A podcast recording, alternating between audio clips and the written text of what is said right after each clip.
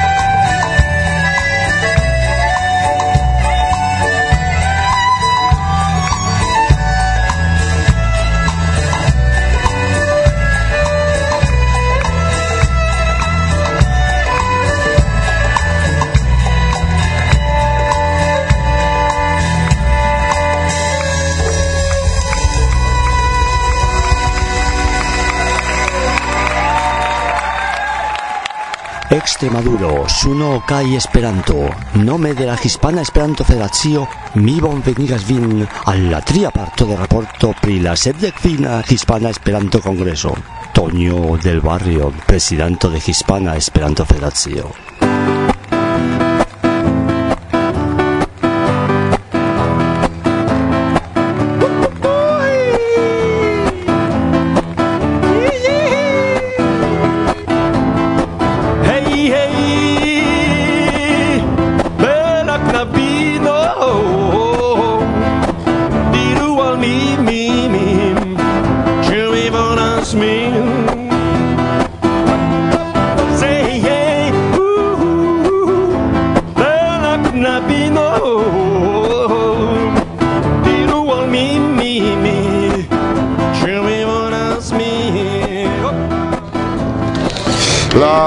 fina Hispana Esperanto Kongreso denove redakcio provizora de Varsovia vente ekstere en la bruo, sed ni hodiaŭ parolas malonge ĉar post momento venos buso kaj ni en tiun buson en iros kaj iros al Guadalupe do eh, eble ni iomete prezentu la programon de la ekskurso kaj en la materialo kiun ni prezentos hodiaŭ ni revenos al la antaŭa tago do al fakte vendredo ke vi aŭskultu kion ni ankoraŭ hieraŭ prezentis al vi se temas pri la programo. O ĝuste mi aŭdas sonorilon kaj buso postmomente alvenos do rapide rapide rapide. Kio estas en la ekskurso?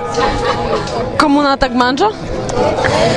Kio estas la manĝo? Kion? Ah, yes. Ah, no, la manĝo estas salato Cesar.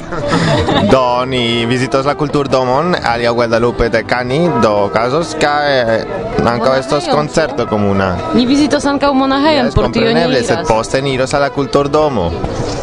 Do, kai cefe la monachejon, ĉar poloj ŝatas vidi tiajn aferojn, do por ili ne previdu necesos vidi la virgulino, eventuale eĉ kisi la virgulinon de de lupi. Tion ni faros. Kaj poste, por mi play grave, char ni e ŝategas nagi ni haltos se loco kie ni povos naĝi, kaj aliaj povos rigardi dume la vulturojn. Anstataŭ cultura programo ni havos vulturan programon ci vespere. Sara, ĉu vi havas bankostumon? no, jes, mi jam surhavis ĝin do. Mi estas preta por naĝi, ĉar mi antaŭidas uh, nu, longan promenadon sub la suno, jes. kaj mi aspektas koncerto de Sete eh, kaj eh, kompreneble de flamenco. Jes, jes, jes, ĝuste estas tre bona koncerto eh, ĉi tie ni ne scias ankoraŭ. En ki... la placo de Peloĉa. Aha, do bone, mi tion vidas, kaj poste ni revenos de nove renkontiĝi kaj do malfrua nocto babili, do ĝis baldaŭ kaj ni invitas vin aŭskulti tio, ki okazis en hieraŭa Ĉu vi almenaŭ ŝatas mi, No, no, no, no. Ĉu pensas pri mi? Ankaŭ ne, ne, ne gravas. Ĉu vi mi, an nomo, Ne, ne, ne gravas. Bone volas mi Ĉu vi volas mi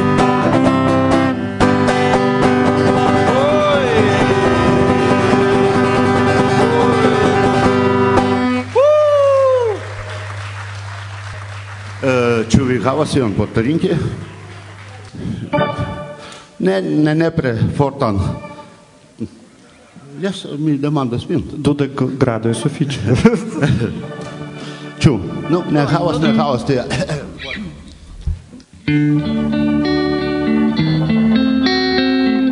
Tiu canto nomigas En restoracio.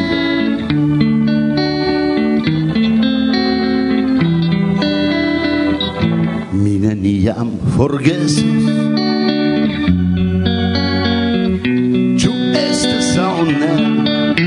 Le vespero en flam de l'aurora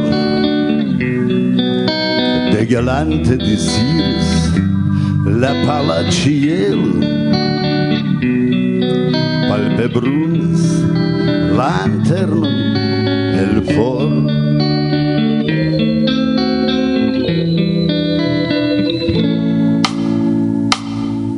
Che fenestro mi sidis en plan 1 2 3 1 2 3 nun ni estas ĉe malfermita provizora studio de Varsovia Vento en Herrera del Duque kai ni havas gaston Saluton. Do, mi estas Andi, Andres Plaza, kaj mi venas al Hispanio. El kiu urbo? El urbo eh, ducent i for de la kongreseja urbo, kiu nomiĝas eh, Badajoz. Kial vi venis al Herrera? Ĉar eh, estas kurioze, ĉar eh, mia urbo estas ni diru iomete proksima, nur 200 kilometroj kaj estis granda okazo, ĉar eh, temas pri la landa kongreso kiu okazos nur 200 kilometroj de de via urbo, do mi ne prevenu ĉi tien. Kiaj estas viaj impresoj? Mia impreso estas ege ege agrabla, ĉar ĉiuj homoj ne nur organizantoj, ĉiuj vartas pri la kongreso to homo volas helpi kai ankaŭ mi konsideras min respondeculo pri la kongreso kai tiom glite evoluas la kongreso ke mi havas tre agrablan impreson pri tio ĉi. Kiu estis via plej ŝatata programero ĝis nun? Mi plej ŝatas la koncertojn. La koncertojn kiu estis kaj ankaŭ mi sopiras al tiuj kiu estos. Ĉu vi povus diri kelkajn vortojn pri hieraŭa koncerto? Acetre. Yes. Yes pri Acetre. Yes, Acetre estas loka Extremadura grupo, loka muziko con kun antiquae kai modernae musiciloi. Ili estas tre fama grupo en Extremaduro kai homoj multe ŝatas tiun grupon kai mi miris kai por mi estis bela surprizo. Bone, ili havas tre faman kanton kai en la hispana kai ankaŭ en la portugala, sed hieraŭ ni aŭdis tiun kanton en Esperanto kai por mi estas tre granda surprizo, tre agrable. Yes. Vi ŝatus saluti viajn amikojn. Yes. Nura ŝanco. Yes, mi povus fari, sed mia patrino tute ne kapablas Esperanton, do mi ne povas saluti mian patrinon. Yes, Do, yes. patrinu. Eh, tamen mi salutas miajn amikojn kaj mi kisas ĉiujn kaj mi brakumas ĉiujn en, en unu grandan brakumadon.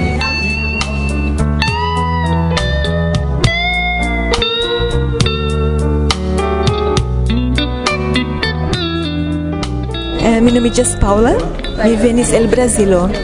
Ĉu vi venis speciale el Brazilo por sepdek kvina hispana kongreso? Ĝuste mi venis. Wow, mi estas impresita kaj do rakontu nepre al ni aŭskultantoj pri viaj impresoj. Bone, la congresso estis treege bona. Eble estis la plej bela congresso kiu mi jam partoprenis. Ĉar la etoso estis treege bona, la homoj estis treege amikemaj jam, ĉu? Kaj mi treege ŝatis pro tio. Kaj kion vi plej ŝatis? Kiun programeron? Mi ĉiam ŝatas ĉion en kongreso, kompreneble ne estas iu aŭ alia afero. Do mi ŝatas la tuton, vere. Kaj ankaŭ la amikoj. Jes. Tio plej gravas. Kaj ĉu vi volus saluti iun? Ah, do mi, mi volas saluti la homoj de la tuta mondo. Jes.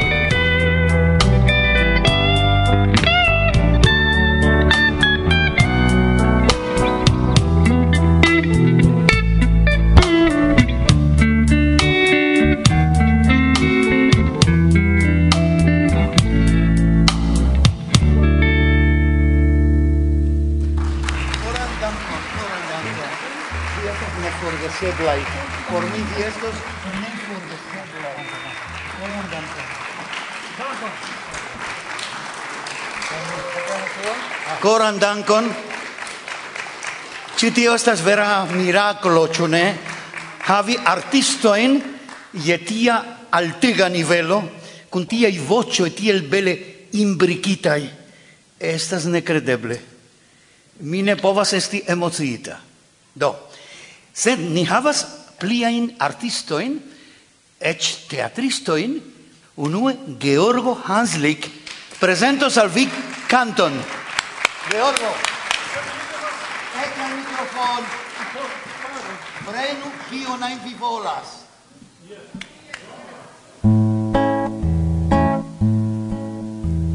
Menus mal sana idioto, putra lacho en la koto, Mis amico bov azeno Mola cazzo kai creteno. Crocodil volapukisto, Angla lingvo instruisto. Unu taga congresano Sterco feco kai guano. Por eterna komencanto, balbutanta dilettanto, spertulino pri felicio, dic putino lo zapiccio. lasta ino en bordelo ingulino ing ul ino ingulino verda stelo fi aciulo au bandito cor infarton dum coito.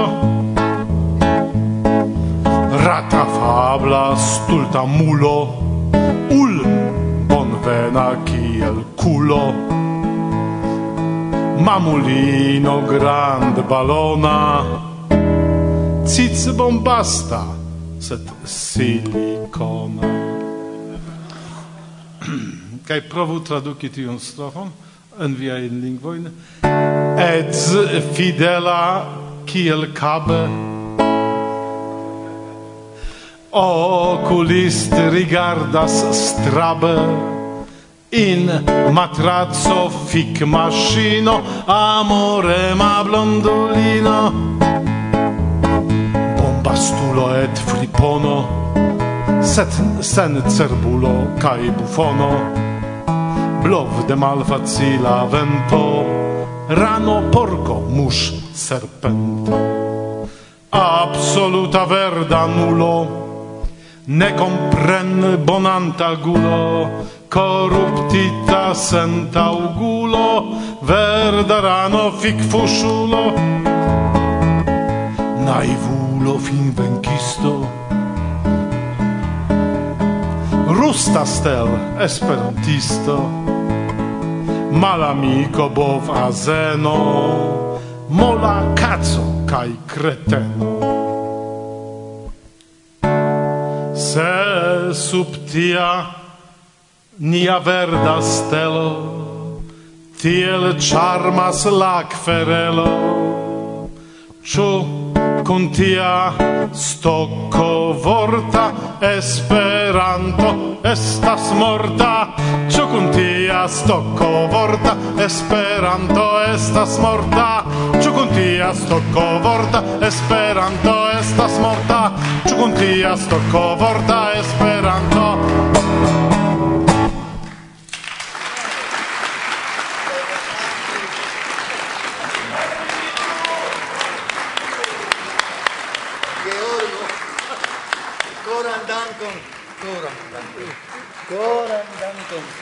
Pardonu al ciui virinoi.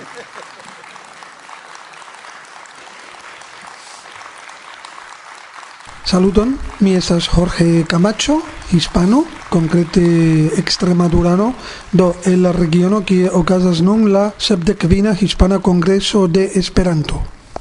Kiel valoras laŭ vi legi poezion, ĉar esperantistoj lernas Esperanton. Por ĉefe interkomprenigi kaj trovi novain amicoin, kaj vi skribas poemon, representas eh, poezian branĉon de Esperanto-kulturo, do eh, eble mi ne demandos vin kial valoras legi via in poemoin, char eh, tio povas poste soni ne vere modeste, sed kiel generale valoras legi poezion? Um, esas homoj que diras ke ili ne cutimas legi poesion, aunque ili ne cias kie legi poemoin, ili ne comprenas. Eh, mm, mi havas oftete, cio ne, conflicton con quelcai esperantai versistoi, cefe rusaj, kiui estas ancritai en conceptoi pri poesio, kiui basidia sur la rusa poesio de la decnaua iarcento, decoca iarcento, do versoi cun precisa mesuro iom martela kai cum rimoi iomete kiel tiui de Zamenhof suprestara sur la montola silenta capeleto en la valo ce la fonto gioie cantas pastisteto kai tiel plu. Tio por mi estas tre orel shira kai mm, mi pensas che poesio multe evoluis kai homoi devas cutimi tiel tio, same kiel kino evoluis, pentrarto evoluis, la parolo de la homo evoluis. Kai nun tempe poesio estas genro au artformo kiu permesas paroli pri ĉio ajn. Do, mine estas mine estas biologo au antropologo. Mine povas verki libron, traktaton, eseon, ekzemple pri tiu temo kiun mi mentis antaŭe pri la senfina gamo da homa sentoi uh, eh, diferenzo i kai tiel plu, sed mi povas havi impreson kai mi povas provi komuniki tiun impreson al aliaj homoj kai poemo permesas tion. En la vivo estas multaj aferoj pri kiuj oni ne povas paroli per la normala lingvo, ĉar la normala lingvo ne sufiĉas. Ekzemple pri la morto. Oni povas multon paroli pri la morto el curatista vidpunto au el vidpunto de enterigistoi, sed en la fino neniu povas iri gis la fundo de la demando, morto, same pri amo, same pri kial ni estas ĉi filosofia i demandoj, sed poemo permesas paroli per i feroi ne priparoleblaj, ĉar oni usas la lingvon en alia maniero. Do en poezio kiel Baldur Ragnarsson, unu el niaj plej grandaj poetoj kaj teoriistoj pri poezio. Li diris, oni uzas antilingvon, kaj vi povas uzi la lingvon laŭ via propra maniero, fari kion ajn vi volas fari, diri absolute mallogikajn aferojn, kiuj tamen havas propran internan logikon, propran internan gramatikon, do mi povis uzi tiujn strangajn vortojn kunmetitajn, aŭ tute ne, sed compreneble cio devas havi ian senson, ne povas esti tute arbitra. De, la leganto devas senti che io pravigas tiuin electoin, kai che vi diras ion ne nur per la ideo sed ankaŭ per la formo en kiu vi esprimas la ideoin. Kai se vi sukcesas tion fari, vi povas transdoni tiu insento en al leganto, kai leganto povas iel komunikigi kun vi. Do mi esperas povi fari tion per miaj poemoj, kai Por mi la plei granda giuo ne estas ĉu vendigis miaj libroj, ĉar ili apenaŭ vendiĝas en la Esperanto-merkateto, mi ne scias, eble de poemaro vendiĝas kvindek libroj. Por mi plej bone estas kiam iu persono diras, mi tre ŝatas ĉi tiun poemon, aŭ kiel hodiaŭ Felix Lobo diris al mi, li uzis poemon en curso de Esperanto, Kai la junuloj kiuj ĉeestis la kurson estis tre agrable shokitai char temas pri poemo ki diras ke junuloi ne estas la futuro, junuloi estas la paseo, tio kio jam okazis, char ni ciui memoras la tempon kiam ni estis junai do tio por ni ne estas futura afero. Ni estas la futuro de la junuloi Ni povas diri al ili, hej junuloi regardu nin, ni estas via futuro. Vi farillo same oldai kai malbelai kiel ni. Do, tion mi scribis en unu poemo, kai se persono diras ke li juis gin, tio por mi estas plezurego. Do, ek de komenco de la Esperanto movado daŭras iu batalo pri lingva vidpunkto, ĉu vi dum via verkado kreas neologismojn? Mi ne kreas vortojn el nenio. Mi havas bezonon je vorto kai mi serĉas. Se mi ne trovas, mi construas gin. Exemple, en mia lasta poemaro, miai poemaroi tiam havas glosaron, aperas vorto kiel Alzheimero, tiu cerba malsano, Alzheimero. animatio estas tiu creado kai presentado de designita i movigianta i bildoi iu tre tipa arbo de mia regiono Anzino kiu en Nova Pivo havas la teruran nomon Ilex Querco do se tio estus franca arbo ni jam havus la nomon de antaŭ jardekoj kaj tiel plu ĉu ne? Ekzemple ĉiuj el vi verŝajne konas la vorton uh, libelo estas tiu insekto kiu troviĝas ĉe lagoj riveroj iom metalaj koloroj tiuj flugiloj iom helikoptereca. Sed fakte Existas du specoj. Tiu libelo estas nomata en la angla lingvo Dragonfly, mi ne scias kiel estas en la pola, sed ekzistas alia kiu nomiĝas Damselfly. En la pola estas vaŝka. Ambaŭ ĉu? Am, am, tiu alia eh, est, existas tiu alia insecto el la ordo odonatoi simila al libelo, sed interalie pli eta, cun interdisai oculoi, cae cun flugiloi verticale falditai dum riposo, mi besonis paroli pri tiu insecto, cae do mi usis scienza nomon en esperantigita formo, zigoptero. Char mi besonis paroli kai pri libelo kai pri zigoptero mi ne povis eviti. Mi parolis anka pri zombioi en la poemo, do mi besonis la vorton zombio, ki une estas en vortaroi kai vere, jihado gintonico, iui aliai vortoi, nerdo, nerdo estas multa en esperantujo. Persono considerata negative stranga, exemple charmanca i socia talento, tede studema au obsedita pri necutima occupo au hobio, cae sume impresantas tulte malloge au genule. Tiai vortoi existas en ciu lingvo, do mi usas la vorton buildingo, char por mi construajo cio esas construajo, ponto esas construajo, tunelo esas construajo, sed por paroli specife pri tiui pluretagiai construajo in urboi, el kiwi consistas granda parto de mia vivo, mi usas bildingo, se tiun vorton lancis nemi, sed japanai poetoi en la sepdekaj iaroi en Esperanto. To koran dankon ni povas paroli pri literaturo tutan nokton, mi pensas, ĉar via poezio estas tre impresa. Vi rajtas kiel ĉiuj intervjuantoj saluti viajn gamikojn kaj mesaĝi ion por esperantistoj en la mondo, kiu aŭskultas nun nian intervjuon. Kompreneble mi salutas ĉiujn aŭskultantojn, mi transdonas al vi fortan brakubon kaj kisojn laŭ via prefero. Mi satus fini per poemo, kiu espereble placos al vi kaj parolos al vi pri mi.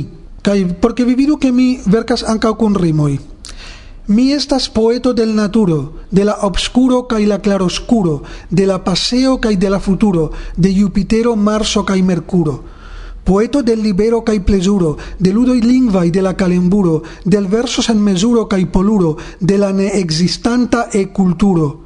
Poeto del cranio, del femuro, del lupo, del vulturo, del vipuro, de Helsinco, Cairo, Singapuro poeto del mensogo cae censuro, de la militoi cae de la torturo, mi estas poeto del naturo. Do, sanon cae poesion al vi ciui cae dankon al vi pro la interviuo. Gran dankon. Dankon, gis. Mia shatata poeto Josef Brodski diris mi amis ne multa in sed forte. Yes.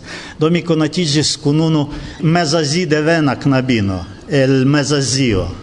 Ŝia nomo estis tute alia, sed mi ŝin nomis Gülçatay. Gülçatay. Kai ŝi estis moderna knabino kun nuda umbiliko, Yes, en ginso, kai birumis constante, sed mi shin imagis orienta princino kai mi fakte disduigis Yes, estis io ambigua. Mi revis pri la princino, sed havis apud mi tiun ci studentinon, orient devenan, kai tiel aperis tiu canto.